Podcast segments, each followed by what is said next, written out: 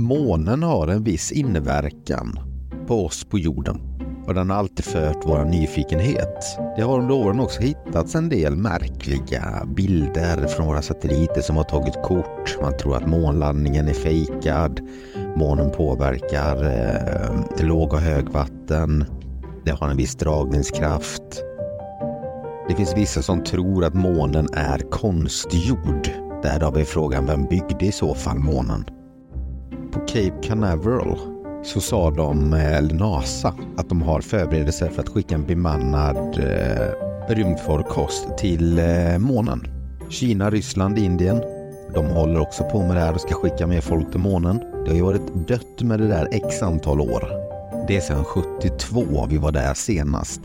Många har säkert hakat upp sig på varför vi inte har varit där på så lång tid. Om det var att intresset minskade eller om det nu är råvaror man vill åt eller eh, om vi blev bortskrämda från månens yta.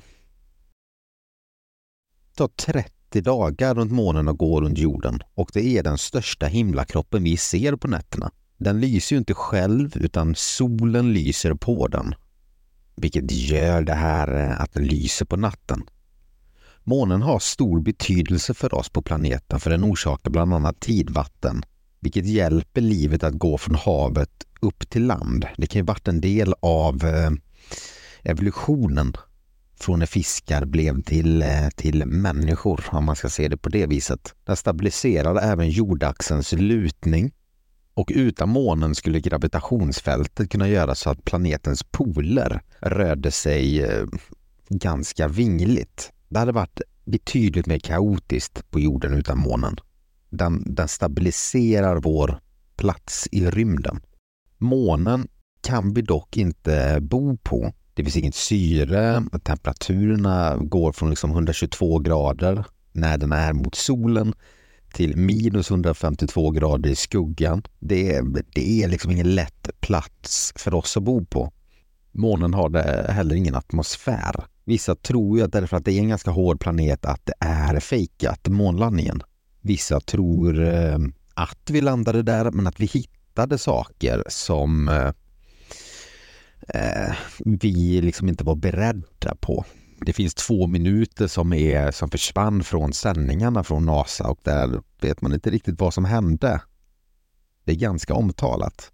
Enligt en forskare så kunde amatörradiooperatörer fånga upp olika hemliga meddelanden som gick till rymdkontrollen som inte som inte offentliggjordes. Och där sa astronauterna till exempel att de såg främmande objekt på månen, däribland ett flygande tefat som stod längst en, eh, en krater. Det här får man ju tro vad man vill om. Det låter ganska eh, svårt att hålla något sånt här hemligt. Men det fanns i alla fall att de hade kanaler som de kunde sända på om de inte ville att det skulle gå ut live till alla andra. Efter Apollo 11 så skickade NASA ytterligare sex manskap till månen, varav den sista var 1972. Och det är ju runt 50 år sedan. Forskare är inte helt hundra på hur månen skapades. En vanlig teori är att den har slagit i eh, jorden och att det har slått loss en bit som har hamnat i en cirkulär bana runt jorden. Att det kan vara någon annan typ av himlakropp eh, som jorden har fångat upp men det finns också teorier om att eh, den är artificiell, alltså att den har byggts av någon annan. Solens diameter är 400 gånger större än månens och solen är även exakt 400 gånger längre bort. Det är anledningen till att solen och månen ser lika stora ut och eh, orsakar då varför vi kan uppleva solförmörkelser. Den ligger alltså i en bana där den kan skapa detta. Oddsen för att månen ska hamna i den banan är inte jättestor. Och det är därför många tror att eh, månen är placerad där. Dessutom är våra måne eh, har en nästan perfekt cirkulär bana runt jorden. Samt att andra månar man känner till har inte just den stabiliserande effekten månen har för oss på 400-talet före Kristus skrev eh, romare och greker om en tid innan det fanns en måne eh, i himlen. Hänsyftningarna går till eh, även i hebreiska bibeln. Det finns sololegender som säger att om månen föddes till jorden för länge sedan Uvane och Papunko var namnen på två förhistoriska gudar som eh, eh, berättade att det skapade månen och det gjordes genom att stjäla ett ägg från en enorm drake i skyn. Och det gröpte ut gulan ur ägget och så här rullade den över himlen så att den blev våran måne. Solofolket säger också att den placerades precis där för att hålla ett öga på människorna. Det finns också mm, i legenden att när den föddes till jorden så skapades olika flodvågor och så där för att den stödjer ju våran stabilitet då.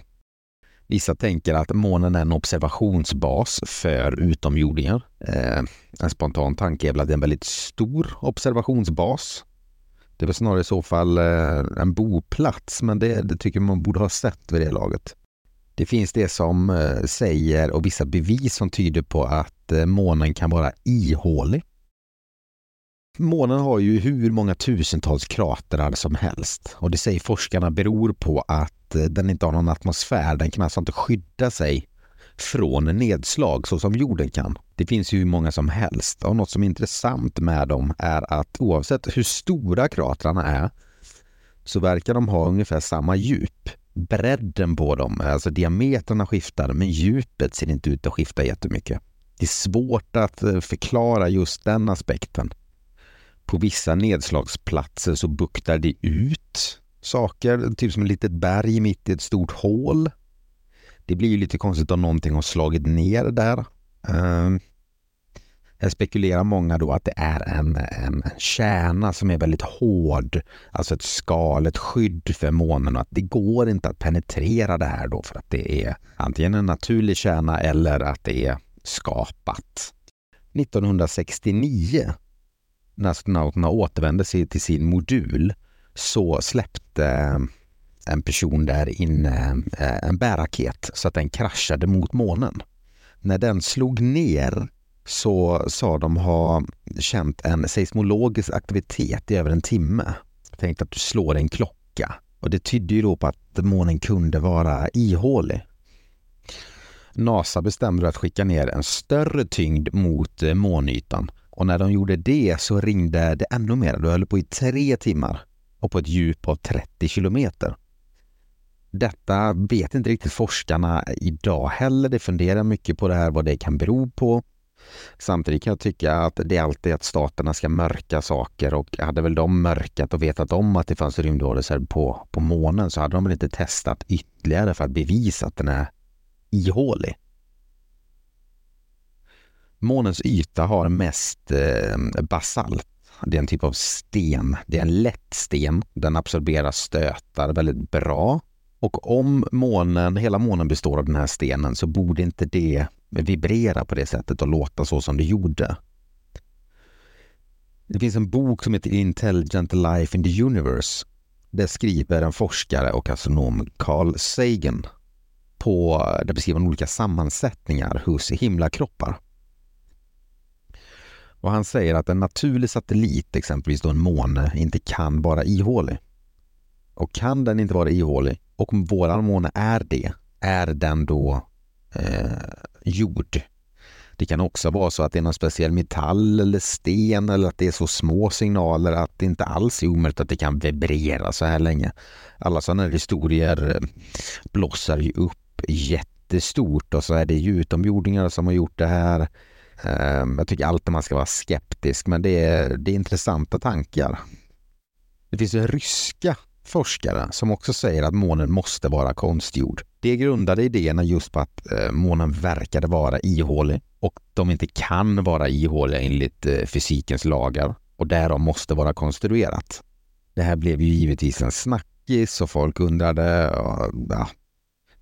Men det utgick också från månkraternas djup och kunde då mäta att, tänkte att ytan kanske bara var tre kilometer tjock. NASA hade fastställt att marken mest bestod av krom, titan och zirkonium. Och dessa ryskade forskare skrev att eh, om ett material måste utformas för att skydda en satellit, alltså en måne då exempelvis, från värme och kyla, kosmisk strålning och meteoriter, så hade troligtvis Sovjets experter också nått den slutsatsen att det är de här ämnena som måste sitta på ytan. Deras teori är då alltså att månen är ett rymdskepp och det sitter motor, motorer i den och på utsidan har det lagt ett lager som får det att se ut som en måne. För att man vill att den, den ska se naturlig ut, smälta in i, i rymden då. Den här idén har fått stöd av andra forskare. Här vet jag inte legitimiteten på dessa forskare, för det kan man väl kalla sig lite hur som helst ibland känns det som. Men den har fått lite stöd ändå och folk tycker det är en intressant tes. För mineralernas och metallernas sammansättning på månen liknar inte det som finns på jorden. 1966, innan Apollo-astronauterna landade eh, på månen, så lade sig farkosten Orbiter 2 i en omloppsbana. Den kunde ta högupplösta bilder så att man kunde liksom se vart man ville landa när det väl var dags. En bild det tar ser ut eh, som någonting som har liksom spetsiga pinnar upp. Det ser ut som obelisker nästan. Det är åtta stycken av dessa mm, obelisker. Och den största säger forskarna kunna vara ungefär 15 våningar hög. Det här kan ju vara vad som helst egentligen. Men ja, jag tror ni vet också att man, går loss i fantasin och man funderar vad det då kan vara för att det, det ser lite speciellt ut.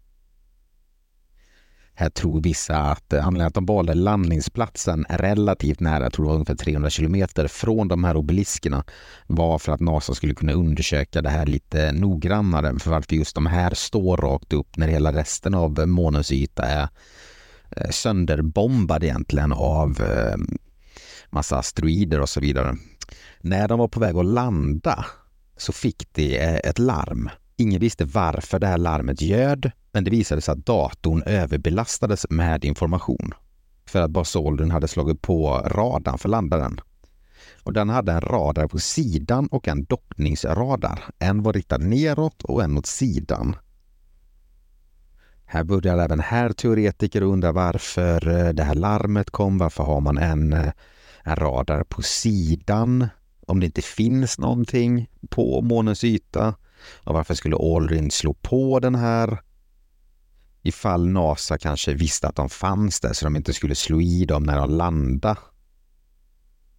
Något som ytterligare dratt igång spekulationer om de här månfärderna var att 1960 så beställde NASA en rapport från Brookings-institutionen där de skulle bedöma effekterna om de upptäckte utomjordiskt liv. Undersökare tror att man efter den här rapporten bestämde redan innan månfärden att spår av utomjordingar skulle hållas hemliga så att det inte skulle bli någon upp, eh, uppstå någon oro i samhället. På dessa otaliga bilder som finns så finns det vissa olika eh, bilder där man kan tyda att det finns eh, konstruktioner eh, men väldigt mycket av det här är ju också ren eh, fantasi. Det har ju hänt mer på månen egentligen. Det har varit olika ljud och så astronauterna har sagt att de har hört och det, det kan ju vara ett annat avsnitt. Men det är också att de har sett reflektioner från månens yta. Eh, 1835 så nämnde en astronom det här att det fanns olika reflektioner. Astronauterna sa det likadant, att det, det såg ut som liksom någonting flimrade förbi då. Det är ett intressant ämne. Läs eh, på om det mer om du tycker det är intressant. Men kom ihåg att det här är ju väldigt mycket spekulativa, det är ganska vinklade fakta man väljer och, um, och ta med det som man ska ha för att styrka sin tes. Så se det här liksom mer som underhållning än vetenskap. Men det tror jag ni, ni vet sedan innan. Jag hoppas ni uppskattar avsnittet. Glöm inte prenumerera så hörs vi i nästa avsnitt.